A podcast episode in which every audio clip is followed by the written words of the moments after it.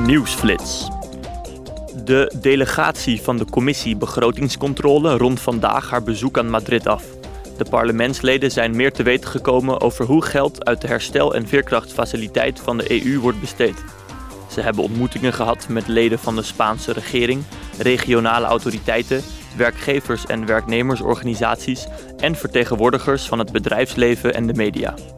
Spanje was het eerste EU-land dat in 2021 een betaling ontving in het kader van de financieringsfaciliteit van Next Generation EU. Een delegatie van de Commissie Vrouwenrechten en Gendergelijkheid is deze week ook op bezoek in Madrid. De parlementsleden zijn hier om informatie te verzamelen over de wet op seksuele instemming, zorg- en afhankelijkheidswetgeving en de bestrijding van mensenhandel en seksuele uitbuiting. Ze hebben ontmoetingen met vertegenwoordigers van de rechterlijke macht, NGO's, vakbonden en ministers en zouden nog een opvangcentrum voor vrouwen bezoeken. Een delegatie van de subcommissie Veiligheid en Defensie is in Bosnië en Herzegovina om de militaire operatie Altea van de EU en de veiligheidssituatie in het land te beoordelen.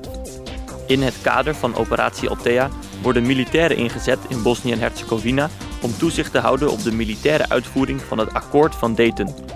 Voor de parlementsleden staan ontmoetingen met leden van het drieledige presidentschap van het land op het programma, evenals met leden van de nieuwe regering, andere parlementsleden en vertegenwoordigers van internationale organisaties en denktanks.